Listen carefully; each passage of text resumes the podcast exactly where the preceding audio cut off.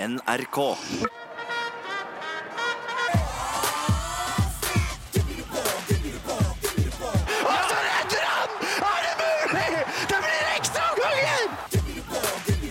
Timeout.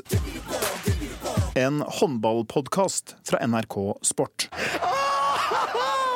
Sikringen har gått! Alt er tomt! NRK Sport. Ja da, ny podkast og eh, god påske, holdt jeg på å si. Jeg håper påsken har vært bra. Kanskje så har du opplevd i påsken det som eh, jeg skal oppleve i dag. Det jeg føler jeg skal oppleve i dag. Kanskje har du møtt dine svigerforeldre for aller første gang. Oppå på Høyfjellshotellet eller et eller annet sånn. Jeg skal ikke møte eh, min svigermor eh, i dag på noe som helst måte, men det føles på en måte like Jeg er like nervøs. Eh, jeg har lyst til å gjøre et godt inntrykk, eh, for dette er eh, en av de viktigste håndballpersonlighetene vi har hatt gjennom de siste 10-15, omtrent 20 årene i norsk håndball. Vi skal straks ønske henne velkommen, men eh, du, tusen takk for at eh, du hører på. Og ikke glem da, å trykke f.eks. abonner om du hører det på iTunes, eh, eller legge igjen en liten kommentar eller et eller annet. Og selvfølgelig fortell dine venner om eh, håndballpodkasten Timeout. Men nå, nå skal vi sammen ta imot eh, ukas gjest. Dagens gjest har en håndballkarriere som strekker seg over 20 år. Hun har 167 landskamper for Norge, og hun har skåret 631 mål. Hun har tre EM-gull, hun har ett OL-gull, hun har utallige Allstar-plasser i mesterskap for Norge, og ikke minst, hun har Champions League-gull med Larvik. Hun var i en årrekke selve symbolet på håndballjentene, men jeg kan røpe såpass at hun er ikke alltid like søt og yndig som hun ser ut som, selv om hun blir kalt håndballens mor Teresa. Av venninner, altså. Eh, hun har en ræva teknikk på håndballbanen. Eh, ikke mine ord. Eh, det er lagvenninners ord. Så dårlig teknikk at det faktisk gjør vondt i øynene å se på. Hun har eh, spilt i både Norge og Danmark. Hun har blitt kåret til forbilde og lagspiller på Idrettsgallaen. Og verdens beste håndballspiller har hun også blitt kåret til av Det internasjonale håndballforbundet. Men kan hun bake? Nei, det er det korte svaret. Hvor galt det kan gå, det skal du faktisk få vite etterpå. Hun er en perfeksjonist, hun tar ekstremt godt vare på sine lagvenninner, og hun er lidenskapelig opptatt av kvinners rettigheter. Men som alle dere som har hørt på før vet, vi skal ikke bare hylle gjesten. Vi skal komme litt under huden, og forhåpentligvis skal vi servere deg noe, kanskje noe du ikke har hørt før. Burlesque-show kan være en ganske fin teaser på akkurat det i dag. Og ikke minst så gleder jeg meg til å høre mer om et ganske ellevilt partytriks som jeg har fått tips om at dagens gjest klarer. Som alltid så har jeg funnet fram til Google eh, på den store vide webben, og hvis du googler dagens gjest, så er dette alternativene du får opp. Gravid, foredrag, Instagram, Mesternes mester, baby, bryllup og skade. Det er rett og slett en ære å ta imot dagens gjest, Gro Hammerseng Edin. Jeg må puste litt. Velkommen! Tusen takk. Hvordan, eh, hvordan, ja, hvordan var dette? Er det noe du beit deg merke i her? Ja, vet du hva, det her var mye å ta inn på en gang. Altså, jeg kjenner at uh, pulsen min ble veldig høy. Ja, Er det noe som gjorde deg nervøs her? Jeg snakket om et partytriks blant annet, som vi skal komme litt tilbake til. Jeg vet ikke om du helt skjønner hva jeg tenker på sjøl? Nei, du vet hva, Hjernen min jobber på spreng her nå for å prøve å avdekke hvem det er som har sagt de forskjellige tinga. Og det jeg hang meg opp i, det var jo selvfølgelig ræva teknikk. Den veit jeg hvor du kan ha fra. Ja, det, ja, ja. Eh, Og jeg må si meg helt enig. Eh, og så hang jeg meg litt opp i burlesk-showet. Det hadde jeg glemt alt om. Prøvd å glemme alt Ja, om. ja, ja, men det har ikke vi glemt, og det er deilig. Eh, du, Jeg prøver å gjøre veldig grundig forarbeid, for jeg skal ha en gjest i studio. Både de positive sidene, men også eh, finne noe som man ikke har hørt før. Litt sånn bak fasaden og glansbildet. Eh, glansbildet. Men med deg, Gro, der har jeg slitt. Eh, håndballens mor Teresa blir du faktisk kalt av flere. Jeg skjønner ikke helt hvordan det har gått for seg. Men eh, samtidig så blir jeg glad, da, for det er en sånn viktig verdi for meg å være snill. da. Um, og det er viktig for meg å og Jeg er omsorgsfull. Men uh, på en håndballbane så føler jeg jo liksom at jeg har vært alt annet enn det, egentlig. Ja, men gjør du aldri noe gærent utafor banen? Det er liksom uh, Altså, snill, godhjerta, varm, stiller opp for alle. Dette er bare noen av de tingene. Uh, jeg kunne fylt et helt A4-ark med fine ting som folk sier om deg. Men så sier de også, Gro, det fins en jævel inni deg. Ja, som og- og kommer den- fram. Den er jo der egentlig ganske ofte, den. Altså. Altså, det handler kanskje om at jeg er godt oppdratt og klarer i mange situasjoner å skjule det litt. da. Ja. Og så, og så er jeg smart i noen sammenhenger og tenker at eh, jeg må være litt bevisst på hva jeg velger å vise fram da, til eh, hvilken tid. Men, eh, men jeg, jeg, jeg tenker at jeg slipper godt unna fordi at jeg omgås en del folk som for det første blir litt fortere full enn meg. Ja, for det, det var det jeg skulle til å si, at du har jo faktisk hatt en, en taktikk, eh, vil jeg si, som eh, jeg tror vi alle hadde hatt godt å lære av i litt yngre alder, eh, når det er fest. Ja, det skal sies at jeg har jo mine blemmer, jeg, og de første gangene jeg drakk. Men eh, sånn, etter hvert så fant jo jeg ut at eh, det kunne være en god idé og så drikke litt sakte og, og litt mindre enn resten i starten. Fordi at uh, som regel da så er det ingen som får med seg de blemmene du går på. da. Eh, det er ikke så mange som er uh, i stand til å huske det. Og Nå høres det ut som jeg har festa veldig mye. Jeg har jo sånn sett ikke det sammenligna med folk flest. Men de gangene det har vært rom og mulighet for det, så har jeg definitivt likt å f.eks. feire når det har vært noe å feire. Eller da i sommerferien f.eks. da ta litt igjen det tapte. Ja, men Det er lov, det er sånn det skal være. Eh, men jeg tror altså det har vært lagmøter rundt forbi i både Danmark eh, og her i Norge nå blant dine tidligere lagvenninner for å se om de kan finne noen historier på det. Og det, det er som de sier, du er en slu liten rev. Ja, jeg er jævlig snekker. Og, og, bare for å fortsette litt i det sporet, Grå, eh, at det faktisk fin, finnes en liten jævel inne i, i glansbildet. Eh, Du ble utvist i en europacupkamp en gang. Husker du hva slags gest du gjorde til motspilleren etterpå? Nei, men vet du hva? Jeg må korrigere deg. Det var faktisk ikke til motspilleren. Det var til en sånn pamp på tribunen. Ok. Uh, ja. Men jeg husker hva jeg gjorde. jeg, jeg, jeg føler det er bedre at du sier hva du gjorde, enn at jeg skal si det. Ja, det hadde vært bedre å vise det da, enn å fortelle det. Men eh, Ja. jeg tok også liksom Jeg ga han jo styggefingeren, eller bannefingeren, som Mio ville sagt. Ja. Eh, og så jeg tok den der varianten hvor liksom sånn, jeg begynte med fingeren inn i munnen. så dro jeg den sånn sakte ut. Og så viste jeg den lenge, og så tror jeg jeg sendte av gårde et lite sånn, sånn slengkyss etterpå. Ja, for dette er bare så deilig drøyt at Gro Hammerseng Edin gjorde det. For det er ikke det, liksom, det, er ikke det bildet vi har. Nei, men jeg mente jo definitivt at det er det mest uh, urettferdige røde kortet ever, da. Og så var det en sånn mann i dress da, som sto der og mente en hel masse om uh, meg og, og det ene med det andre, og da bare bikka det over. Og du er jo en som eh, Bare fikk rive deg helt ned her. Du er jo en som stiller enormt opp for lagvenninnene dine. eh, det har jeg fått høre. Eh, og så får jeg beskjed om å spørre Er det noe du har gjort hvis noen har sagt det er viktig for laget? Altså, jeg gjør veldig mye jeg, hvis jeg får beskjed om at det er viktig for laget. Ja, det har jeg skjønt. Ja, så det er liksom den gylne setningen, da. Hvis du skal ha meg til å gjøre noe. Ja. Eh, som jeg kanskje egentlig ikke har kjempelyst til, så, så kan det funke å si at eh, ja, men Gro, det er viktig for laget at du gjør det. Eh, Det er så da, enkelt. Da er det ofte så enkelt som det. Eh, noen ganger så kan det vel også være så enkelt som å si til meg at eh, jeg tror ikke du klarer det. Ja. Det er, det er også sånn triggersetning, da. Ja, fordi eh, det er egentlig veldig fint at du sier det, for jeg har skjønt at eh, din kjæreste Anja, som jeg jo selvfølgelig har prata med før denne innspillingen, eh, hun eh, nevner blant annet det der 'jeg tror ikke du klarer det', en pub i Sandefjord. Sier det deg nå? Åh, men vi kan jo ikke ta mer sånne fæle historier om meg. Jeg kommer til å framstå som jeg er så lite Vi skal hylle deg nå i nesten en time, så vi begynner på en måte på å dra deg ned, og så løfter vi deg opp fra Nei, dette er jo egentlig ikke usikt. Her viser du faktisk at du tør. Du ble vel utfordra til å danse? Ja, men herregud, nå begynner jeg å tenke, er det flere pubhistorier på Sandefjord som er sånn Eneste som eh, kommer opp hos meg nå, det er, eh, det er at jeg også der kom opp i det røde feltet pga.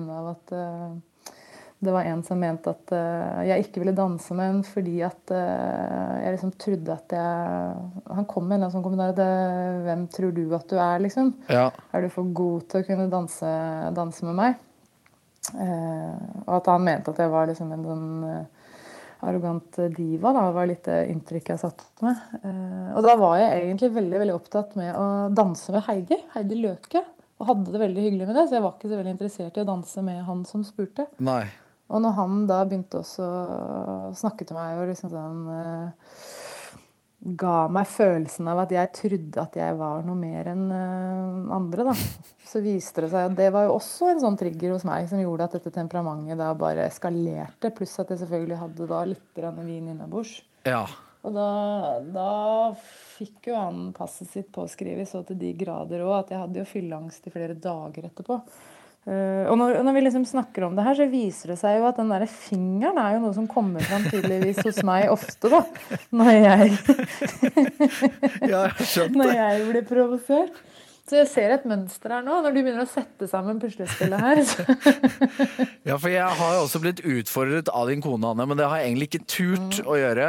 Hun ville at jeg skulle starte podkasten med å spørre deg om én ting. eh, For hun mener også at det er en trigger hos deg, men det har vi allerede funnet ut av. Tror du at du er bedre enn andre? Ja, ikke sant. Det er det. Jeg kommer fra Gjøvik, vet du. Et sted hvor jeg kanskje har følt at er det noe du ikke skal gjøre, så er det i hvert fall å tro at det er noe mer enn resten.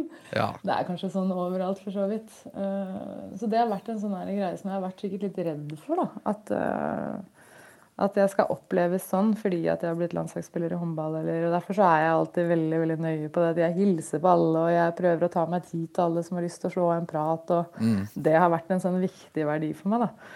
Og hvis noen da mener at jeg eh, går rundt og begynner å oppføre meg som eh, jeg er full av meg sjøl, så, eh, så liker jeg jo det veldig dårlig. Men det var som jeg sa, Gro. Årets forbilde, årets lagspiller, uh, yndig, nesten ekstrem. Uh, altså, du har jo alle de kvalitetene her, men så er det viktig, liksom, det er viktig å vise folk at det er ikke sånn hele tiden. Nei, vet du hva, Nå kommer sikkert de der som har gitt meg noen sånne hva skal jeg kalle det, priser, de kommer til å ta de tilbake etter at de har hørt hvor primitiv jeg egentlig er. Nei da, håndballens mor Teresa hun eh, skal få lov til å beholde prisene. Du, eh, vi skal snakke litt om håndball, tenkte jeg. Det, det regner med at du syns nå er deilig. Nå skal vi liksom bare bygge deg opp igjen. Um, Ja. Og så har jeg lagt inn Jeg sitter og svetter faktisk litt. Beklager at jeg avbrøt her nå, men eh, jeg kjente at jeg ble varm av det her.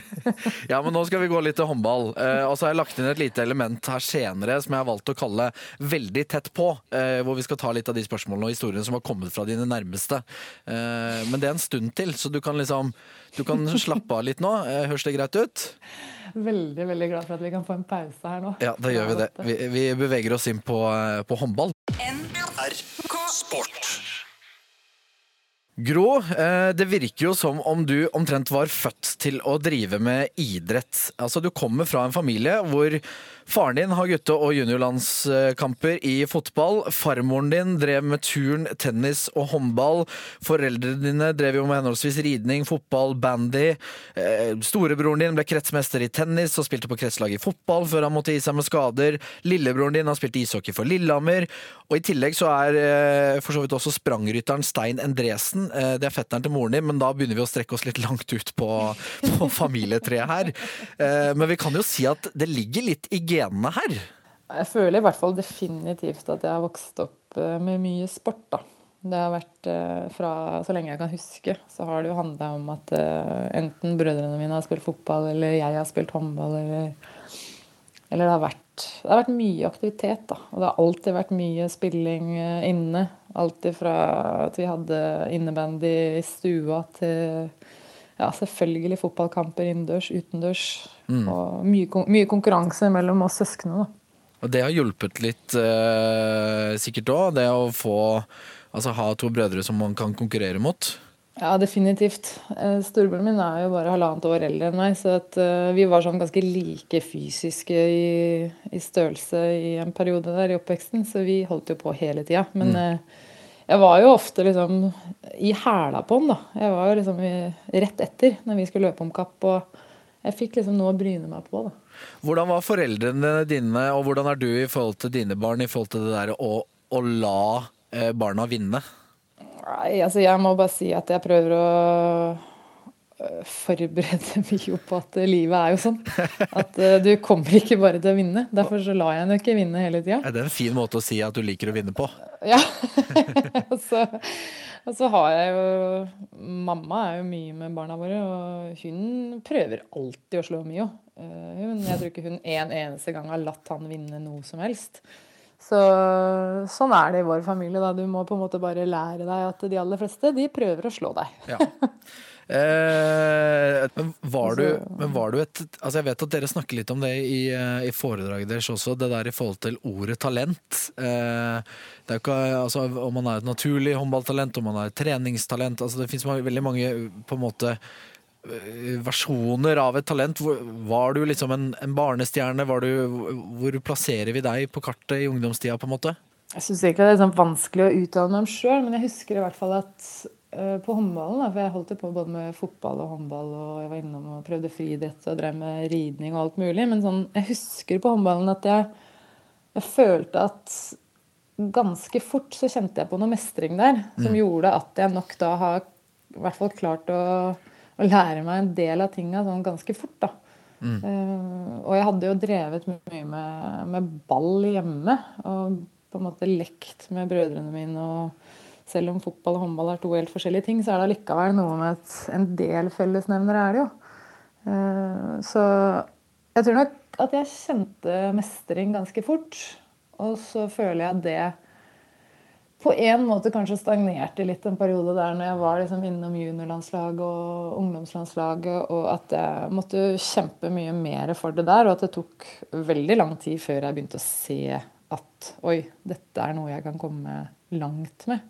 Jeg er nok annerledes enn en del andre som har hatt veldig klare mål tidlig med at de vil bli landslagsspiller eller de vil bli Jeg hører jo det at det er mange som uttrykker i ganske ung alder at jeg har et mål om at jeg skal bli landslagsspiller eller bli verdens beste. Eller Jeg har på en måte ikke vært der i det hele tatt. Jeg, jeg har holdt veldig tak i den at jeg spiller fordi jeg syns det er skikkelig gøy. Og hvis jeg ikke syns det er gøy mer, så kan jeg like gjerne gjøre noe annet.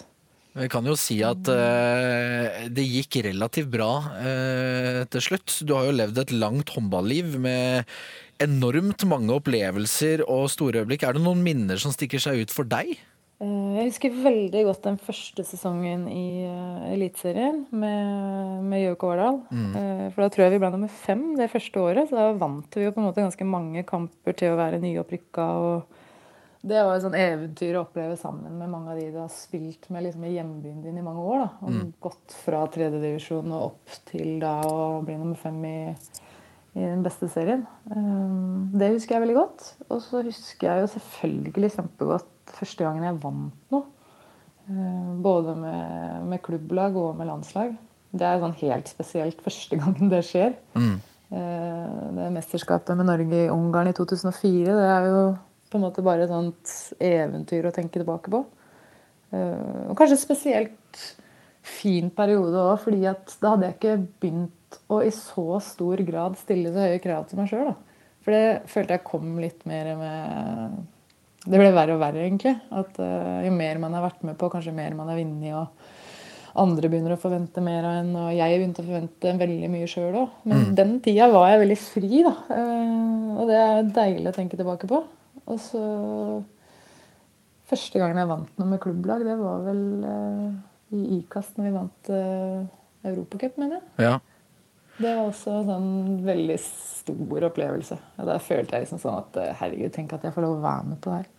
Og så tror jeg jo det er mange som eh, Kanskje det sterkeste minnet de har med deg, er på en måte deg med dette gigantiske norske flagget i OL i, eh, i Beijing, når man tok, endelig tok dette OL-gullet. Men jeg har lyst til å gå litt inn i det OL-et, fordi eh, begynner litt sånn i kvartfinalen her mot Sverige, hvor man altså vinner 31-24 og, og gjør seg klar til semifinalen.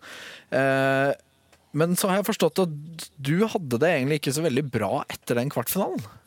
Nei, det var sånn Da eskalerte det litt, tror jeg. Det her presset som jeg hadde kanskje lagt på meg sjøl, og alle de nervene jeg hadde hatt i forhold til Kommer jeg i det hele tatt til å klare å, å delta i OL? Fordi at jeg hadde et kne som ikke fungerte særlig bra i, i forberedelsene til OL. Og hadde hatt en kropp som øh, på en måte jeg hadde måttet det kjempemye da, for i det hele tatt tåle å spille håndball på den tida der. Og så betydde OL så mye, og det betydde ekstra mye fordi at vi da missa OL-et øh, gangen før. da. Så det var noe som jeg hadde bygd opp veldig mye forventninger til. Og, og det å stå der da og være kaptein, og vi hadde meldt ut at vi gikk for gullet og, og norske Ikke bare norske pressekorpset, men liksom hele det internasjonale pressekorpset var òg der at de hadde lagt lista høyt for uh, Norge og det vi skulle prestere. Da. Så etter den kampen så, så, bare Det var akkurat som det brast litt en boble for meg. Uh, etter at jeg da var ferdig med 19-20 intervjuer med, med, veldig kritiske journalister. I tillegg til at jeg sikkert var sliten etter kampen og jeg var sur fordi jeg ikke hadde spilt så veldig bra. Da. Så var jeg samtidig kjempeglad fordi vi hadde vunnet kampen, til tross for at jeg ikke hadde levert. Men da skjønte jeg også at du kom nesten på en løsning der, fordi øh, du skrev øh, dagbok? Ja, jeg har, gjort, jeg har, gjort, egentlig mye i mesterskap. Fordi da er det mye følelser i kroppen, og det er mye tanker, og noen ganger så hjelper det å skrive det ned. Og så kom du liksom fram til eh, det jeg har fått vite er at du, har, du satt opp ti bud for deg sjøl for resten av OL? Ja, jeg, det var en lang prosess for så vidt. Det da, på veldig få timer. Hvor jeg måtte liksom gjøre et oppgjør med meg sjøl. At eh, vet du hva, nå er det snart semifinale. Og, og jeg eh, trenger å jobbe med det mentale, sånn at jeg blir ordentlig klar til den kampen. Altså, da lagde jeg liksom noen regler for meg sjøl. Og Apropos det du innleda med, da, at det er en sånn side som kanskje ikke har vært så synlig for, eh, for alle rundt, så er det jo en jævel i meg. Så, så, det jeg har gjort i den dagboka, blant annet, er jo at jeg har tatt livet av en journalist som jeg har tegna. Okay. I den dagboka Jeg liker at det begynner å danne seg et helt annet bilde av eh, Gro Anders ja. Og så er det bare sånn derre Det er min galgenhumor, da. At ok, dette er opp til meg, liksom. Hvor stor plass skal det pressekorpset få lov å ta i huet mitt når jeg har helt helt andre ting jeg skal konsentrere meg om. Så det første jeg gjorde, var jo at jeg liksom rett og slett bare tok livet av da en fra pressekorpset. Og så jeg, vil bare gjøre det klart her med en gang. Jeg hadde ikke begynt å jobbe som journalist, så jeg var ikke i OL i Beijing i 2008. Bare så, det, så det er ikke meg hun snakker om, eh, folkens. Og så har jeg laga ti bud som på en måte skal gjelde for resten av det OL-et for min del. Og da bud nummer én, det husker jeg var at, uh, at pressen skulle være luft for meg resten av det OL-et. Jeg regner med eh, at eh, et OL-gull er på en måte noe av det aller største du har vunnet, og som man kan vinne som en, som en håndballspiller. Ja, selvfølgelig. Det er helt vanvittig stort. Men det rare oppi det hele er at, at jeg føler ikke at jeg egentlig vekter OL-gullet noe høyere enn F.eks. det å vinne første EM med Norge i 2004, eller for så vidt noe særlig høyere enn å vinne Champions League med, med Larvik. Mm. Føler at det er på en måte sånn, ganske samme Det er samme stoltheten og gleden jeg føler når jeg tenker på de uh, ulike situasjonene. Ja. Uh, men jeg tror også det kan handle litt om at jeg hadde hørt at OL skulle være så spesielt og så annerledes. Uh, og det er jo På noen måter så er det det, men allikevel ikke. Det er håndballkamper på den samme type banen, og det handler om å vinne de kampene. Og det er med det samme laget. Og mm. jeg er veldig veldig, veldig glad og stolt for at jeg fikk være med på det. Men uh, på en eller annen sånn rar måte så syns jeg ikke at det nødvendigvis er større enn å vinne et EM-gull. Men uansett hvordan man vrir og vender på det, så kan du kalle deg olympisk mester. Og det, det er ganske kult. Ja, det, det, hadde jeg ikke trodd hvis du hadde spurt meg når jeg var liten, altså. At det skulle være noe jeg kunne sitte og si. NRK Sport.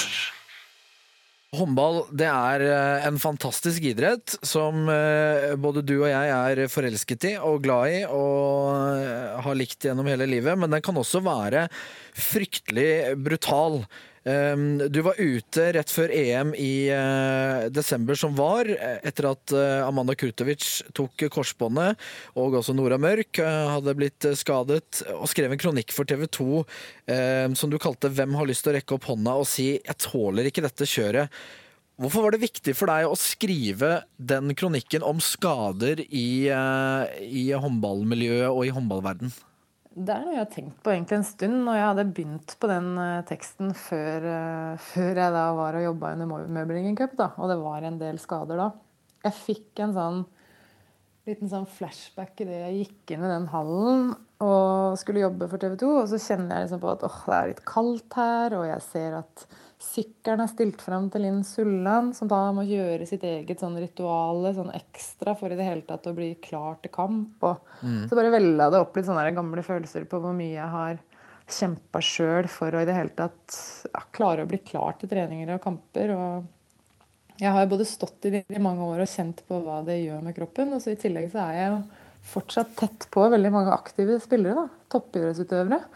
Og så, og så, endte det med at jeg gjorde ferdig da, den uh, teksten og tenkte at uh, jeg har lyst til å være den stemmen som prøver nå å få vekt liv i denne debatten, sånn at vi begynner å gjøre noe, ikke bare snakke om at uh, noen må gjøre noe. Fordi at Det er så fort gjort at alle er enig i at ja, belastningen er litt stor. Men det er ikke noen som har lyst til å ta noe ansvar for det. da. Og jeg gjorde det først og fremst pga. at jeg jeg kjenner mange spillere som uh, har uh, veldig problemer med kroppene sine i ettertid. Uh, jeg har kjent på hvor beintøft det har vært sjøl, og jeg ser hva det er som skjer med mange av de som fortsatt er aktive. Jeg uttalte og kalte at det var rovdrift på spillere, og at man så mer på produktet enn på en måte på spillernes helse. Er det sånn du også ser på det? Det er jo veldig komplekst, og det er derfor vi må bruke tid på den debatten og finne noen forumer hvor det går an å diskutere dette her. Eh, at ikke det bare blir overskrifter, og at jeg sier én ting som kanskje blir dratt ut av sammenheng og kontekst og blir til noe annet. Det var derfor det var fint å skrive sin egen tekst, da, som var ganske lang. Mm.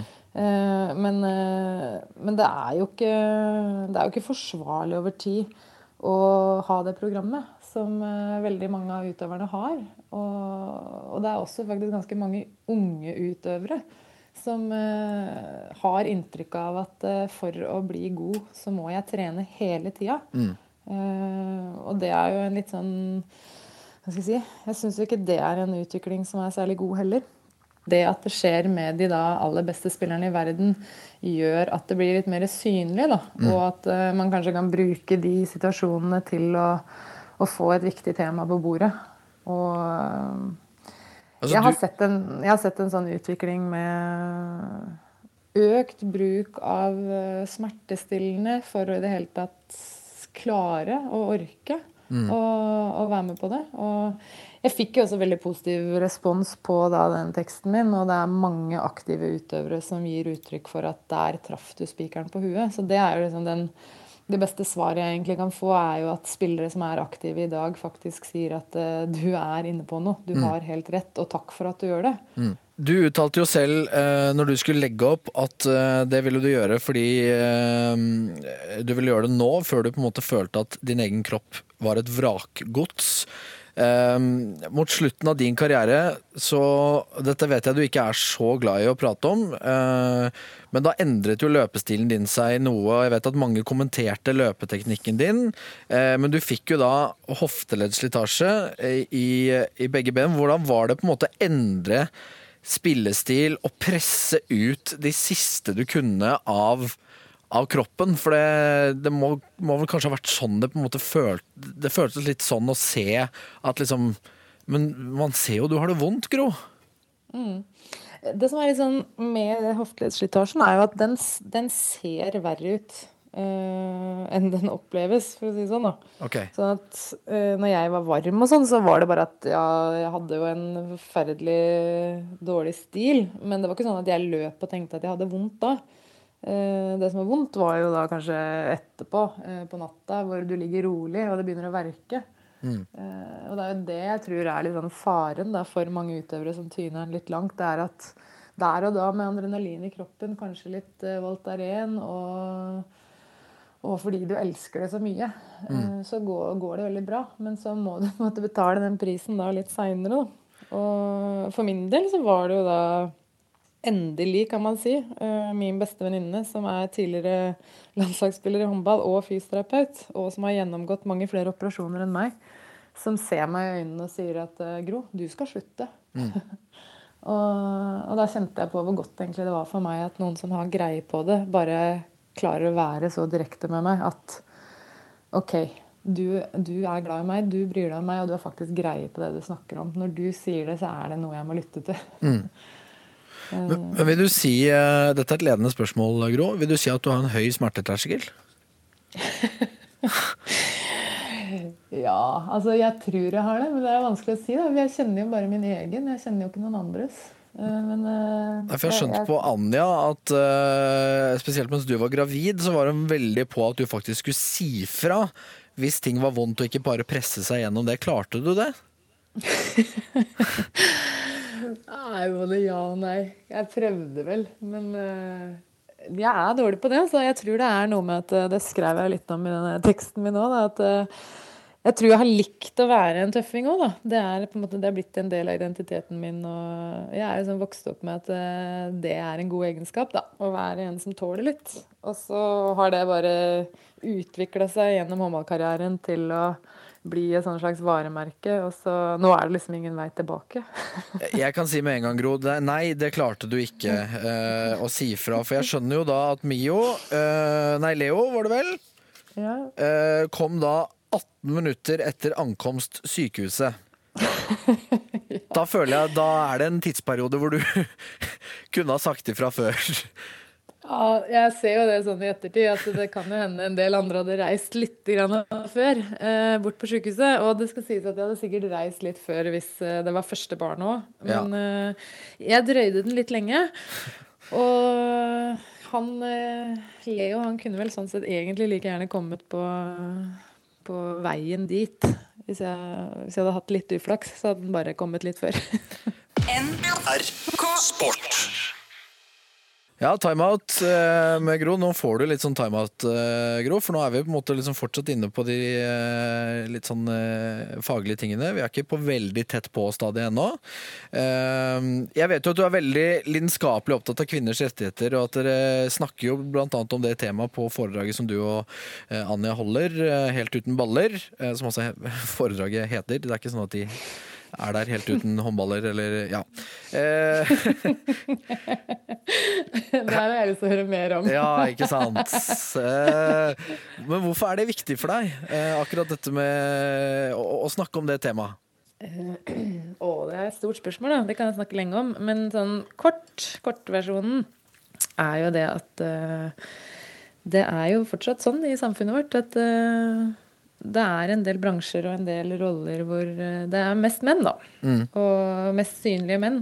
Og så har jeg liksom funnet ut at eh, for meg så betyr det mye at eh, jeg skal kjenne at jeg har de samme mulighetene som du har. Og, og hvis vi hadde fått en jente, da, så hadde jeg hatt lyst til at hun skulle oppleve at hennes stemme var like viktig som uh, Mio sin og Leo sin. Og i Norge så har vi jo kommet eh, langt, selv om det er en vei å gå her òg. Men eh, det er fortsatt ganske mange land i verden hvor man er milevis fra det, det nivået vi har her. Og da føler jeg litt sånn at vi har et ansvar, vi også, som, eh, som gjelder at vi kan ikke bare være fornøyd med at vi begynner å nærme oss et nivå her i Norge. Vi, vi må fortsette til, til vi faktisk er likestilte. Og så kan vi være med å påvirke at andre land flytter seg etter. Da.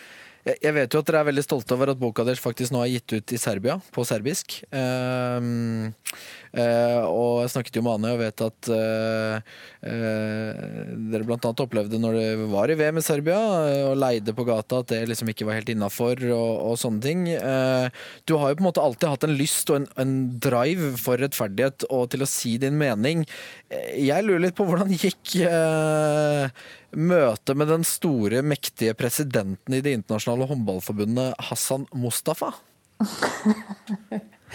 Jeg har jo møtt han ved flere anledninger, da. Eh, Og, akkurat det tilfellet du sikter til nå, det handler da om eh, det første møtet vi hadde hvor jeg skulle være med som eh, For du tenkte du kunne gjøre en forskjell, på en måte? Ja, jeg sa jo ja til å sitte i det utvalget, da, The Athletes Commission, som det heter. Fordi jeg tenker at eh, jeg ble spurt av Norske Håndballforbund om å være kandidat til å bli valgt inn. Og så blei jeg jo valgt inn, og så tenkte jeg at men det må jeg jo si ja til. For der tror jeg det har vært mest chairmen, da, for å si det sånn.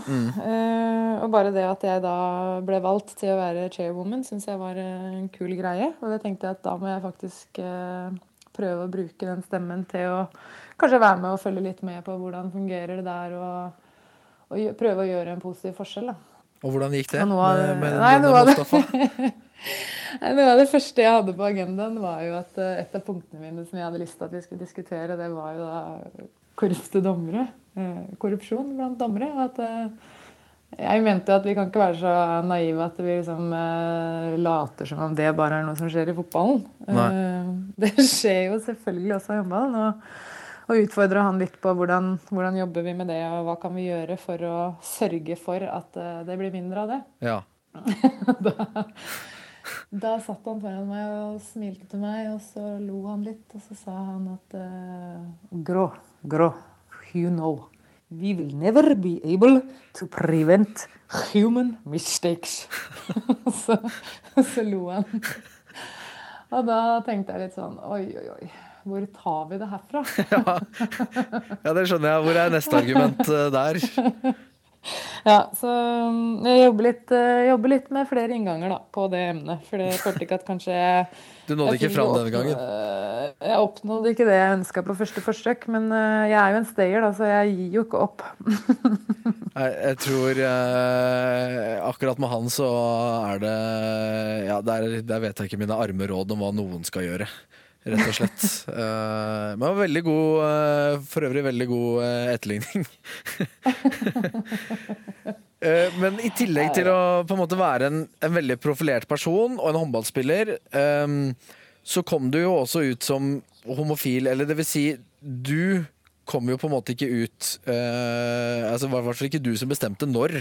Uh, for det var jo faktisk Harald Bredli som outet deg uh, ved en, en feil, hvor han satt og kommenterte fotballkamp og i pausen trodde lyden var av. Og så spurte han da, for da hadde du vært skada, om det var noe nytt med den flotteste lesba på Toten. Og jeg vet at Harald har hatt det veldig vondt uh, og tungt etter det, og han takker jo deg når han var her i podkasten og sier at hadde ikke du tatt det så bra, så hadde ikke han uh, vært der han er nå. Han hadde ikke fått lov til å fortsette. Hvordan var hele den episoden for deg? Og så forstår jeg det faktisk sånn at det har jo også kommet noe godt ut av det. Ja, det var jo en kjempefordel at eh, jeg hadde et eh, bra forhold til Harald fra før av. Sånn at eh, når han ringte meg, så hørte jeg jo med en gang at han var veldig ydmyk og fortvila. Og han sa det jo bare som det var med en gang. Det var veldig tidlig på morgenen, og jeg lå jo der med det her hovne kneet som jeg nesten ikke klarte å bevege. Sånn at på stemmen hans når han begynte å snakke, så tenkte jeg liksom sånn Har noen dødd? Så sånn at det ble nesten en sånn lettelse for meg når det ikke var verre enn det det var. Eh, og det var jo fordi at jeg opplevde at han han genuint hadde bare lurt på hvordan det gikk med meg. Det var det som var hele inngangen. Så kan du si at det var litt sånn flåsete ordbruk, men, men jeg, jeg tok ikke det noe ille opp i det hele tatt. Og det som var bra, var at det var ikke noe sånn hemmelighet for noen av mine nære og kjære at jeg var sammen med en jente. Det var, eh, det var jeg veldig åpen om. Jeg hadde bare bestemt meg for at jeg syns ikke nødvendigvis at det var noe som media hadde noe med. da. Det var en sånn prinsippsak at vet du hva, om jeg er sammen med en jente eller en gutt, det kan vi være sammen. Uh, og at det skulle være opp til meg å velge å eventuelt kommentere det. Og da, da kasta jo han den nyheten ut uten å egentlig mene det. Og da valgte jeg bare å tenke at eh, vet du hva, det går bra. Det, det lever jeg fint med. Og så, så er det først i ettertid som har kommet fram en sånn kjempefin story som jeg har blitt fortalt. da, Av en person som jeg kjenner. Som, eh, som jeg ble kjent med etter dette her skjedde. Som, eh, som faktisk fortalte meg at for henne så hadde det vært liksom eh, en så viktig del av hennes liv at hun, hun ville påstå at det hadde redda livet hennes. At jeg faktisk kom ut som skeiv. Fordi at hun hadde vært på et stadie i livet sitt hvor hun hadde tenkt at uh, jeg har faktisk ikke lyst til å leve mer. Jeg orker ikke mer. Det var så vanskelig for henne å akseptere at hun var skeiv, og hun turte ikke å dele det med sine nærmeste. Og hun trodde at det kom til å ja, rett og slett uh, være for vanskelig. Eh, og hun hadde andre problemer også, altså, men det var liksom en sånn veldig big deal for henne. Da. Og så var hun kjempehåndballinteressert og hadde hatt meg som forbilde i, i mange år. Og så når hun plutselig satt der da og så på TV-skjermen at det var en nyhetssak om at jeg var skeiv, da, så var det akkurat som det ble en sånn turning point for henne. At hun tenkte at ok, men hvis hun kan være det og leve sånn som hun gjør, og det virker som om det går bra og folk liker henne, og hun er jo egentlig ganske normal, så, så gjorde det at hun faktisk istedenfor da å tenke at eh, hun hadde lyst til å ende livet sitt, så ga det henne håp til å faktisk ta tak i livet sitt og tørre å være åpen om hvem hun var. Da. Og det ble jeg fortalt i ettertid, og det har jeg faktisk sagt til Harald òg, at uh, Jeg vet at du tar det litt tungt, at du gjorde det du gjorde, men du skal tenke på det. At det kom noe godt ut av det. Og faktisk så kan det være at du var med og, og på sett og vis redda et liv, da. Mm. Det høres kanskje litt sånn dramatisk ut for folk flest at uh, det skal være så vanskelig å være skeiv, uh, f.eks. i Norge. Men uh, det er det som gjør at både jeg og Anja fortsetter å snakke litt om temaet. Det er at uh, det er faktisk det. Fortsatt. Også i Norge. Ehm, det blir på en måte ikke en sånn naturlig overgang. Eh, Er det nå vi skal over til burlesken, liksom? Nei, nei. Det hadde, vært, det hadde vært den verste overgangen hvis jeg skulle Yes, vi går til burlesk. Nei, eh, du, jeg skulle faktisk si at eh, det er ikke så lenge til vi skal dit, for så vidt. Men eh, du har jo opplevd veldig mye gjennom ditt liv. Eh, Dette vil vi høre litt om nå, både utenfor og på håndballbanen. Men så har du oppnådd noe ganske stort etterpå også, eh, og da tenker jeg på idrett. eh, Altså ikke det å stifte familie, men, men på idrettssida. Du ble altså i sesong ti den første kvinnen som vant Mesternes mester her på NRK. Og det skjønner jeg at det betydde en del for deg. Ja, altså det er veldig rart å sitte og si at ja, det betydde noe for meg å vinne et TV-program. Men uh, alle som kjenner meg, vet jo at jeg liker å vinne. eh, og at jeg hater å tape. Så det i seg sjøl var jo gøy. Men uh, jeg syns jo det ble kult fordi at uh, jeg har fått så mange tilbakemeldinger fra jenter og voksne damer også på at det var så fint å se at det gikk an. Det var liksom en konkurranse hvor vi konkurrerte kvinner og menn mot hverandre, og det at det da var mulig for en jente å vinne, det har tydeligvis betydd noe. Vi måtte vente ti sesonger, og så er det altså Gro Hammerseng Edin. Og det har vært mange gode eh, kvinnelige idrettsutøvere som har vært med, som ikke har klart å gå helt til topps. Eh, men du ble altså den første, og det bringer meg litt sånn inn i neste bolk, som altså er eh, veldig tett på. Eh, Men jeg har bare lyst til å på en måte avslutte 'Mesternes mester' først, og samtidig eh, gli oss eh, fint inn i neste bolk. Fordi etter at du la opp, eh, så gikk det egentlig ganske kort tid mellom håndballkarrieren og at du skulle være med i 'Mesternes mester'. Um, og så skjønner jeg at du ikke rakk å forberede deg på eh, alle øvelsene i 'Mesternes mester', så i hvert fall ikke sånn altfor mye. Men litt forberedelse på verandaen, det rakk du, Gro. Ja, det er jo helt krise. Oi, oi. Nå kjenner jeg meg rød i kinnet her. Det som skjedde, var jo at uh, vi var jo midt i sesong. Og jeg hadde jo en kropp som hadde mer enn nok med å overleve håndballprogrammet, så jeg kunne ikke drive og trene så mye på å stå i 90-graderen og, og gjøre de her klassiske Mesternes mester-øvelsene til en sånn oppkjøring. Så det ble lite av det. Men jeg hadde jo en sånn liten uke der imellom. Og da tenkte jeg sånn at jeg er jo nødt til å teste ut hvor lenge for eksempel, sånn cirka da, klarer jeg å sitte i 90 grader, og hvor lenge klarer jeg å holde armene sånn ut til sida. De her eh, som jeg visste mest sannsynlig kom til å komme. Og så bor vi på et sånn ganske nytt eh, boligfelt. Og jeg valgte da å kikke meg rundt på en sånn fin, varm dag og se at oi, oi, ingen er hjemme. Det er rom for at jeg kan trene litt her på verandaen min uten at det er noen som ser det. Ja. Så det jeg gjør, da, fordi det er ganske varmt ute, er jo at jeg gjør dette i da shorts og bikinioverlell. Ja. Så sitter jeg da i 90-graderen, og jeg gjør et par andre sånne øvelser og tar tida. Og jeg tror jeg avslutta hele greia med å se til og med ligge og ta situps. ja, og dette Og er jo ikke noe gærent i seg sjøl. Nei, nei, nei. Det som skjer, er bare at jeg får en melding av Tine Stange som skriver 'God underholdning på Saltbrygga i dag'. Så, sånn smilefjes. Og så tenker jeg bare Hva er det hun snakker om? Hvordan vet hun at jeg har drevet og trent på dette her i dag? Har hun kjørt forbi, eller hva er det som har skjedd? Og så bare går det opp et lys for meg, og så kommer jeg da på at det er jo sånn derre webkamera på hele området. Og så ikke nok med det, men den dagen så har det vært en sånn annonse i Østlandsposten hvor de da har vist hele området, og så er det en sånn link. Klikk deg liksom inn her, så kan du se på boligene og hvordan det går i byggeprosessen. Ja, det er livevisning, på en måte. Så er det livevisning fra da det området vi bor på. Og det kameraet det har stått rett på meg da, og på verandaen vår. Hvor jeg da har kjørt et lite show, da. Et Mesternes mester-show. Jeg bare ser for meg de som tenker Nei, hadde jo vært litt interessant da Sett, sett på de nye boligene der Kanskje det Kan klikke oss inn på linken da Kan se hva Nei, men Er det, er det Gro Hammerseng altså. Edin som står og flekser i bikinien Ja, det, det ser jo virkelig ut som jeg står der og kjører totalt show-off for å bare vise liksom Se på meg! Eh, så det er jo Det er faktisk et av de verre øyeblikkene. Jeg begynte å tenke på hvor mange som kanskje hadde sett det her. da. Eh, men så er det noe med at jeg øver meg på å ikke være så innmari selvhøytidelig. Så jeg bare valgte å le av det. Ja, og da kan du få lov til å øve deg videre nå, Gro. Eh, på det å ikke være så selvhøytidelig. Vi beveger oss inn i det jeg kaller veldig tett på. NRK Sport. Hvordan er du på burlesk?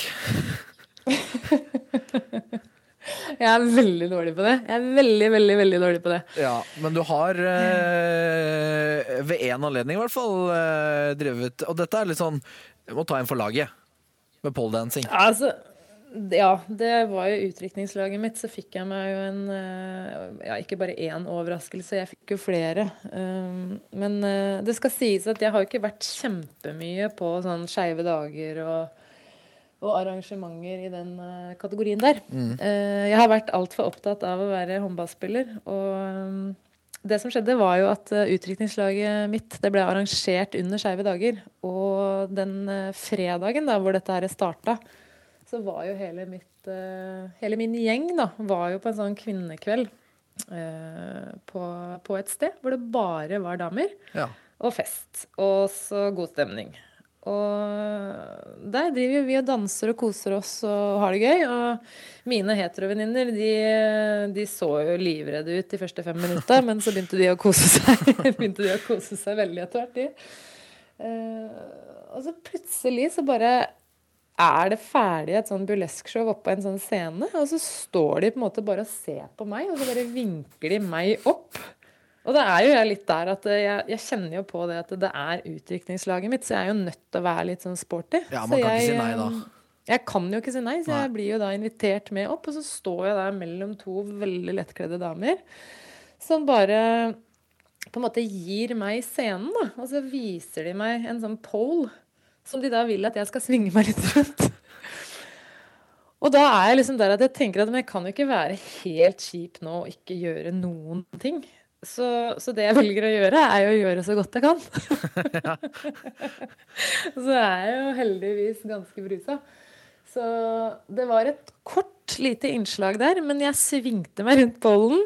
eh, og jeg har vel sjelden kommet meg fortere av en scene enn det jeg gjorde da etter Jeg veit ikke engang hvor mange sekunder jeg var der, altså, men det føltes veldig lenge. Og det var brutalt, og det var nakent, og det er noe av det flaueste jeg har gjort i hele mitt liv. Eh, og jeg er veldig Ja, hva skal jeg si, da? Jeg er egentlig sånn veldig lei meg for at ikke jeg tok skikkelig igjen på utdrikningslaget til da min beste venninne som arrangerte dette helvetet. Men uansett hvordan man eh, vrir og vender på det, Gro Hammerseng Edin, olympisk mester, mesterligavinner og burlesk danser. Du kan eh, ta alle tre du kan, du kan notere alle tre. Ja, men vet du hva, Hvis du hadde sett det showet, så hadde du bare gitt meg strykkarakter. Eh, Men mens vi er inne på party, da. eh, Jeg tisa med et partytriks i starten. eh, Og det partytrikset skjønner jeg egentlig bare kommer fram når du er virkelig god i farta. For det, Anja hadde ikke engang hørt om det. Men det inneholder skuldra di. Ah, da må vi ordentlig Vi må langt tilbake i tid. Da. Det er lenge siden jeg har gjort dette her. Det er Ja. før Anja, da. Ja, men eh, jeg er god Eller jeg var god. Jeg, er ikke så god til det lenger, men jeg var god til å liksom ha sånn shotsglass på skulderen. Og så på en måte bare ta det uten å bruke hendene, da. Og så tømme glasset. Eller lille shotsglasset. Det skjønner jeg ikke hvordan det er mulig. For jeg også, akkurat nå så later jeg som det er et shotglass på skuldra mi. Og på en måte prøver å det, Jeg skjønner ikke hvordan Ja. det er mulig. Nei, men jeg kan det. Jeg kan vise deg det en dag. Ja. Vi kan ta en fest sammen. Ja, Hvis vi holder oss unna dansinga, så er det greit. Eh, Jeg skal ikke opp på noen burlesk eh, scene, det tror jeg ingen i lokalet har lyst til å se. Eh, Men, men ja, partytrikset kan vi ta. Eh, Et, nok et ledende spørsmål, Gro. Vil du si at du er litt surrete av deg? Ja, det vil jeg si. Det, jeg er det. Og det, det er heldigvis er det sånn at jeg pleier å, jeg pleier å huske de viktigste tinga. Men jeg er surrete. Ja, for jeg forstår at eh, du er jo på en sånn liste at du ikke får flere nødpass. Det er klart, da har du surra mye. Ja, jeg har det. Altså. Det er egentlig helt utrolig at det har gått såpass bra med meg så langt. Eh, fordi jeg har funnet passet mitt i kjøleskapet, og mange av passene mine har jeg ikke funnet i det hele tatt. Og det er sant at jeg har uh, surra såpass mange ganger at uh, nå har jeg sånn fått beskjed om at jeg får ikke flere sjanser, da. Og så klar du, har du klart å altså Du er jo eh, glad i din kone og har vært romantisk og bestilt tur og kom til flyplassen og skal ut og reise og hadde ikke bestilt tur Ja. Nei, jeg har bestilt Eller jeg, jeg har trodd at jeg har bestilt to sånne romantiske turer med kona mi. Hvor det har endt opp med at jeg ikke egentlig har gjort det jeg har trodd jeg har gjort. Da den ene gangen så hadde jeg hotell- og restaurantbestilling i København, men jeg hadde ikke flybilletter dit. Nei. Eh, Så da, da ble det en helt annen tur. Og så har jeg også faktisk en sydentur på et tidspunkt hvor jeg da har kåla så mye at eh, jeg endte opp med å måtte betale så mye for den ferien at jeg like gjerne kunne reise til Maldivene. Så jeg syns egentlig Anja burde slutte å gi meg ansvaret for å arrangere turer. Ja, fordi eh, eh, bortsett fra det at du er søt og snill og grei og stiller opp for alle, så er det på en måte dette med surrete. Det er det flest som har tatt Jeg har så mange eksempler. Eh, du har levert til barnehagen på planleggingsdag. Eh, men jeg syns eh, Jeg har funnet nøkler i kjøleskapet. Jeg syns allikevel noe av det morsomste er Eh, hvis det stemmer, at du tok din sønn til en fotballturnering en uke for tidlig. Har jeg gjort det? Ja, At du møtte opp i Bergslihallen, men der var det jo helt eh, Der var det tomt. Ja, men du, det, det stemmer helt sikkert. Jeg, jeg går på noen sånne smeller i ny og ne, altså, men det som er veldig bra, det er at jeg, som sagt når det virkelig gjelder, liksom, så er jeg strukturert. Jeg husker de viktigste tinga. Ja. Jeg, liksom jeg er ikke der at jeg glemmer igjen ungene mine og sånn, men det skjer Nei, det får vi jo gå ofte- på. Det, det skjer titt og ofte at jeg kan ha tatt litt feil av tid og sted og sånn, da. Men eh, jeg håper ikke jeg er aleine om det, da. Men når du da eh, skulle ut og reise den ene gangen, eh, så var jo gode råd dyre, og så endte dere jo faktisk opp eh, i Gøteborg, hos din venninne Jenny sitt hus der. Etter hva jeg skjønte. Det har jo også feriert litt med de ute på Bohuslän, er det sånn det uttales? Ja, jeg veit ikke hvordan det uttales, det er ikke min styrke, det. Altså. Men ja, definitivt mange gode ferieturer i Sverige, altså. Ja. Eh, og eh, der skjønte jeg at det var en episode hvor eh, du da var gravid, og de andre skulle ut og ri på hest, men det kunne jo ikke du. Og så tenkte du vet du hva, skal jeg overraske. Nå skal jeg være litt koselig. Nå skal jeg, nå skal jeg bake noe brownies eller noe. Det er ikke en kjeft som kommer til å tilby meg eh, jobb, vet du. Etter at jeg avslører hvor eh, surrete jeg er innimellom. Og hvordan gikk det når du skulle bake brownies? Nei, det gikk ikke så innmari bra. Jeg holdt jo på å brenne opp hele hytta til min beste venninne. Jeg, eh, jeg var gravid, så jeg kunne ikke være med på den rideturen. da. Så jeg var liksom høygravid. Ja. Så jeg drev jo og bakte, og hadde stilt fra meg da Stilt fra meg da den her eh, formen med kake og et sånt kjøkkenhåndkle liggende over. Og så skulle jeg ta meg en liten sånn uh, cowboystrekk. da. Skulle ta meg en blund. Lå litt på sofaen. Og så tror jeg også jeg samtidig drev og hadde rista noen brødskiver. Det er derfor jeg ikke reagerte på at det lukta litt brent da med en gang. Og så etter hvert så lukter det såpass brent at jeg reagerer, da. Og så går det en brannalarm, og så kommer jeg inn på kjøkkenet, og så er det full fest og flammer, da. Fordi at eh, jeg hadde ikke skrudd av da den ene plata som jeg hadde brukt til å sikkert smelte noe smør eller et eller annet. Så det kjøkkenhåndkleet sto jo og brant. Så da endte det med at jeg eh, prøvde å få av den brannalarmen, og jeg hadde bikkjer i hytta òg, som var livredde, selvfølgelig. Så endte det med at jeg banka ned den brannalarmen med knyttneven og slapp ut bikkjene. Og idet dette skjer, og røyken oser ut av hytta, så kommer jo selvfølgelig da hele det der følget som hadde vært på, ute på tur. Da. da kommer de. Så der står jeg med kjøkkenhåndkle i brann og ja, litt kaotisk, da. Jeg merker det er så mye situasjoner i ditt liv som jeg skulle gjerne vært en flue på veggen. Ja, det er, jeg føler det er TV-serie verdig mange ganger. Men eh, det er liksom jeg har vært god på. Jeg har vært god på liksom helt fram til nå, da. Å skjule litt eh, dette litt kaotiske, eh, litt kaotiske i livet mitt. Gro Hammerseng Edin åpner eh, opp om eh, de tunge stundene i livet.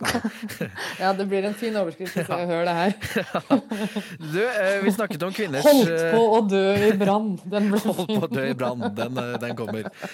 Til slutt i denne litt sånn veldig tett på-spalten. Jeg vet jo at du er veldig glad i din kone, og jeg vet at hun er veldig glad i deg. Eh, Jeg skal bare rett og slett spille av en ting for deg, og så kan vi på en måte ta det derfra, Gro. Eh, Hvis du bare hører godt etter, da.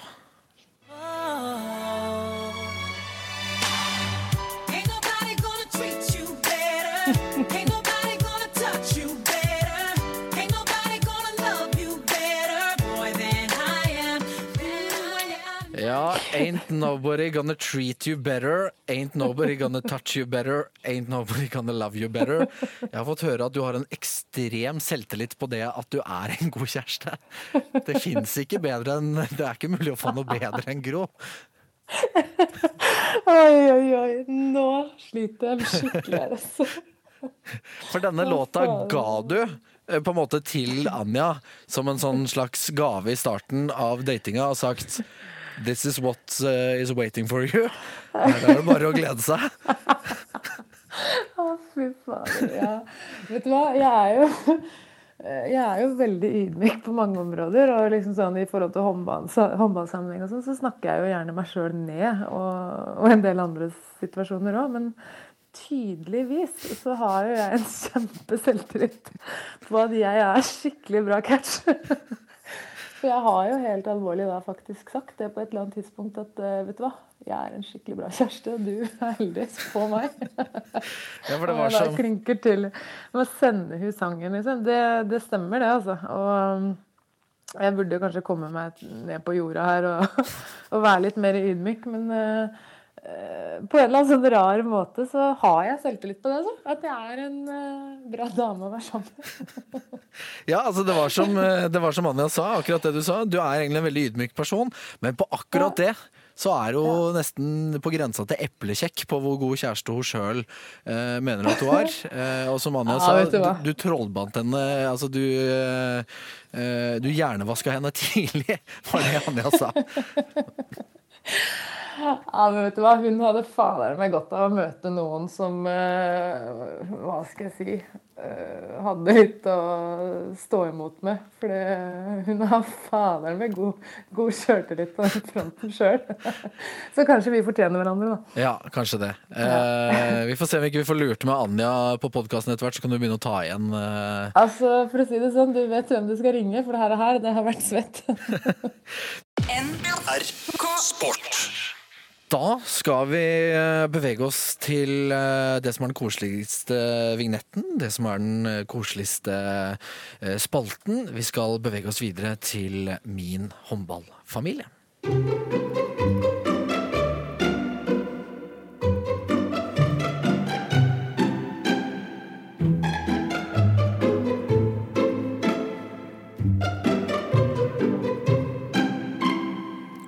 Egentlig en vignett som ikke tilsier noen ting. Men, eh, men, men den er bare litt koselig, uh, syns jeg, av en eller annen grunn. Eh, men min håndballfamilie, altså. Alle gjestene eh, har jo da fått lov til å forberede seg litt på forhånd. Det har også eh, Gro fått lov til å gjøre. Eh, det er jo dette ordtaket da, som jeg har hengt meg litt eh, opp i, at eh, det kreves en landsby for å oppdra et barn, og sånn tenker jeg det er med en eh, håndballspiller også. Man trenger eh, folk med gode egenskaper rundt seg for å bli best mulig selv. Og da skal eh, Gro å velge ut seks egenskaper som vi da parer med en eh, håndballspiller. Eh, og så skal hun komme inn på dette laget som den syvende spilleren i, i dette laget. Så jeg tenker vi bare kjører på, jeg, Gro. Vi kan begynne med hvem du har valgt som krigeren på ditt lag. Ja, der har jeg valgt Heidi Løkke. Selvsagt. Jeg har valgt henne fordi at hun har ryggen min 100% Og ville jeg hatt med meg på en måte en i krigen, hvilken som helst slags krig, så hadde jeg definitivt gjerne tatt med meg henne. Hun er lojal og har en enorm styrke og utholdenhet. Ja, eh, det er ikke et dårlig valg, og heller ikke en dårlig håndballspiller. Nei, der får du hele pakka, vet du. Ja. Det er deilig. Ja, man gjør det. Eh, da har vi krigeren inne på laget. Jeg tror ikke det vil overraske mange i det hele tatt at, eh, at det er Heidi Løke. Eh, og så skal vi da ha Hjerte, kanskje litt sånn limet da, som skal holde gruppa sammen. Ja, nå angrer jeg litt på at jeg har valgt Anja inn på laget mitt, fordi hun har gitt deg så mye i forhold til den podkasten her. Men eh, jeg har faktisk valgt Anja fordi at eh, hun, hun er rett og slett eh, en så sinnssykt bra person. Hun har så grunnleggende gode verdier. Sånn at hun, hun sørger for at det hele tida er Hva skal jeg si? At vi streber etter å snakke ordentlig til hverandre, ta godt vare på hverandre og være bra folk. Eh, og det er egentlig en som bygger kultur i et lag. Da. Altså, hun er en som definitivt er med og bygger en kultur som jeg har lyst til å være en del av. Det syns jeg var en veldig fin beskrivelse. Ja, og man trenger det, for har du ikke god kultur i bunn, så kommer du ikke særlig langt. Og det er alltid noe som har betydd mye for meg, og der er hun. Altså, hun får meg til å ha lyst til å være et bedre menneske hver eneste dag. Og det er ikke så innmari mange andre jeg kjenner som har den evnen. Eh, Ikke på den måten, da. Nei, nå ble jeg nesten litt rørt. Det regner jeg med at Anja kommer til å bli når hun eh, hører det også. Eh, og hyggelig at du gadd å gi henne eh, så fine ord etter at Ja. Ja, Jeg hadde satt henne av laget Så hvis jeg hadde visst at hun ga deg så mye godsaker. Ja, men det er bra. Det er viktig å, viktig å dele, vet du. Vi, vi setter pris på det. Men da har vi, vi har jo ledd mye i denne episoden her. eh, Men vi kan le mer. Du skal ha inn en humorist, eller i hvert fall en morsom en på laget. Ja, det er Karianne Henriksen, som jeg har spilt sammen med i IKAST og i FCM da, i Danmark i mange år. Pluss at vi spilte sammen på juniorlandslaget, og vi har faktisk også spilt på A-landslaget sammen. Eh, og hun er den morsomste personen jeg kjenner. Jeg har det alltid helt vanvittig gøy sammen med henne. Og jeg er egentlig ikke en sånn person som pleier å le sånn veldig høyt. Jeg er mer sånn en humrer, da. Men eh, hun har vært helt fantastisk å spille med. Og jeg har spilt håndball fordi det har vært gøy. Det har vært liksom min motivasjon. Og da er du avhengig av å ha folk på laget ditt som du syns det er gøy å være sammen med. Da. Og, altså I tillegg til det så var hun på en måte en spiller som hadde alt jeg ikke hadde. Da. Altså Hun er teknikeren, hun er den der finslepne spilleren som har et fantastisk eh, håndballhode, og teknikken er helt vanvittig god. Hun har et samspill med linja som jeg bare kunne drømme om. Så i tillegg til at hun er veldig morsom, så, så beundrer jeg henne beundrer jeg henne veldig for den spilleren hun eh, var også. Ja, og det er jo ikke til å legge skjul på at eh, det var jo hun som eh, eh, både snakket om burleskshowet først, at du har en jævel inni deg, at du har en teknikk som gjør vondt i øynene å se på.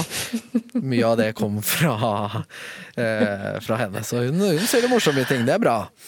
Eh, Og så trenger vi en modig. Da. Vi skal ha en modig jente inn på dette laget. Ja, det er Isabel Blanco, som eh, også har vært en del av mitt eh, håndballiv og vært en venn av meg siden jeg var kanskje 15. Eh, og hun er en av de modigste menneskene jeg kjenner. Eh, og hun er så genuin. Hun er, en, si, hun er en sånn fantastisk kombinasjon av galskap og godhet i skjønnforening. og det er absolutt ingen bullshit med Isabel Blanco. Og det liker jeg veldig, veldig godt. Altså hun står for verdiene sine uansett hvilken setting hun er i. Det begynner å se relativt eh, digg ut, dette laget her. Eh, vi trenger en, eh, trenger en til å holde folk litt i tøylene. En rollemodell som folk kan se litt opp til. Ja, jeg har tatt med en spiller som eh, var en rollemodell for meg. eh, som kanskje ikke alle unge norske spillere vet hvem er, men det er Tonje Kjærgaard, som var landslagskaptein på det danske kvinnelandslaget når de var eh, helt på sitt beste. Og hun var også kaptein i eh, det laget jeg valgte å spille for i Danmark. Eh, Sånn at jeg, jeg ble jo kjent med Tonje Kjærgaard etter hvert og fant ut at hun var alt det som jeg trodde hun var når jeg bare hadde sett henne på skjermen. Men hun var den kapteinen som klarte å kombinere det å være en av verdens beste spillere, samtidig som hun var varm, smilende, omsorgsfull og hadde en vanvittig ro. da som jeg syns uh, inspirerte meg veldig. Jeg likte veldig godt at uh, Jeg følte at hun var en person som var veldig god toveisspiller.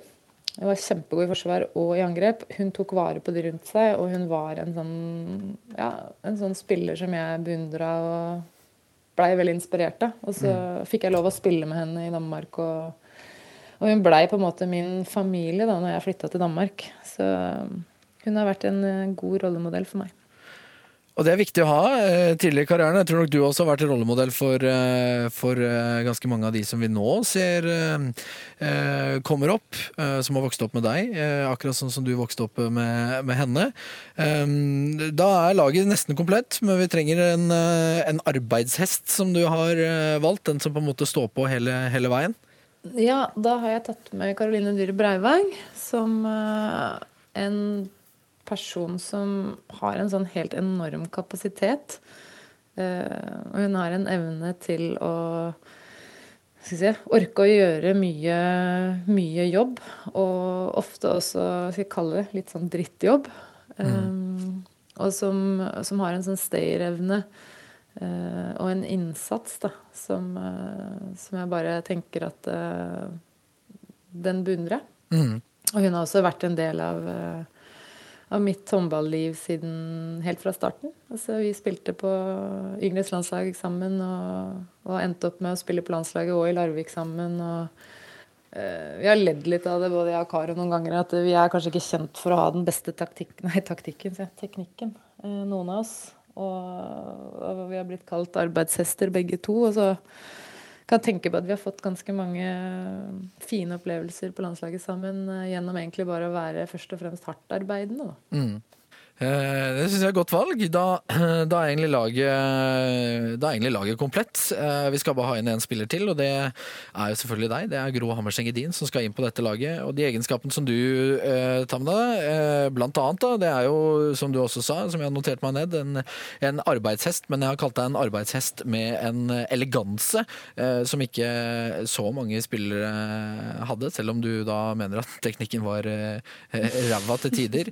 Eh, Du er en lagspiller, du er en, eh, en vinnerskalle som eh, jeg tror norsk håndball eh, ikke vil se maken til igjen. Du har et deilig skudd, du er en født kaptein, og så får vi med noen stygge gester i ny og ne når vi trenger det. Det syns jeg, synes jeg passer veldig fint. Det, ja, men det er bra. Da er laget komplett, men vi trenger en, en trener til å styre denne buketten med spillere.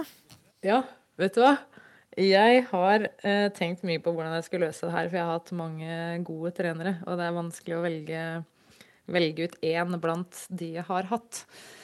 Så jeg har faktisk valgt en som jeg ikke har hatt. Ja. Og det er ei som jeg kunne tenkt meg å hatt. Og det er faktisk Karen Brødsgaard, som da er en tidligere lagvenninne i FCM. Som da har vært kaptein på det danske kvinnelandslaget i håndball, som nå er trener, og hun trener gutter. Oh, ja. Sånn at eh, jeg har tatt med henne. Fordi jeg syns at hun er liksom banebrytende i forhold til det at hun, eh, hun er håndballtrener, og hun har ikke tenkt å være happy med det at eh, det stort sett bare er menn som trener menn. Nei. Så jeg har tatt med henne fordi hun var en helt fantastisk type å være på lag med. Jeg beundrer henne for så mange egenskaper. Og så i tillegg da når hun går den trenerveien, og, og velger da å bane litt vei for de jentene som har lyst til å trene menn, så har jeg valgt henne.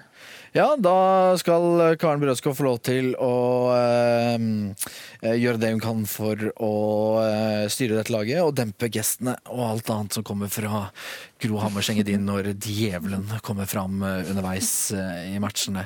Eh, dette syns jeg ble veldig bra, og jeg syns det er fine, fine begrunnelser også. Eh, vi, må, vi må bare avslutte med å ha et lagnavn. Eh, har, du, har du et lagnavn? Det har du kanskje ikke tenkt på? Nei, det har jeg ikke tenkt på. Nei, jeg kan gå for noe Det blir, enkelt. det blir eh, det, altså. Det blir burlesk. Det er deilig. Ja. Det er deilig. Uh, så bra. Eh, det er kanskje det mest passende navnet vi kunne hatt på dette laget etter denne uh, podkasten. Da, da er vi ferdig, Grå. Har du hatt det gøy? Jeg har hatt det veldig gøy. Så blir jeg sånn kjempesvett av å tenke på at dette skal ut. Så folk skal høre på det. Men det var veldig gøy. Og det var mange ting som jeg ikke har tenkt på på lenge, som kom opp nå. Ja. Som gjør at jeg definitivt kommer til å gå og humre litt for meg sjøl resten av den dagen her. Ja, så du har, eh, du har svetta litt, og du har uh, ledd litt. Eh, du har for så vidt ikke gråte, men det er jo det er kanskje like greit. Jeg ønsker jo ikke at gjestene mine skal, skal begynne å gråte. Eh, men vi har vært gjennom eh, mye. Opp og ned, det er bølgedaler, og det er sånn det skal være. Ja, du, det har vært en eh, fornøyelse. Ja, men det er bra. Så hyggelig, og det har vært en ære å ha deg med. Um, har du en spesiell måte du, du sier ha det på? Nei, du vet hva, jeg sier bare på gjensyn, ja. Jeg, eh, jeg tenker at jeg kommer til å være i dette håndballsirkuset noen år framover. Så vi ses. Ja, det syns jeg er hyggelig. På gjensyn, sier jeg også da. Eh, Gro Hammerseng Edin, altså, som var med i denne podkasten. Og eh, folkens, til deg som hører på, takk for at du hører på. Så høres vi plutselig igjen.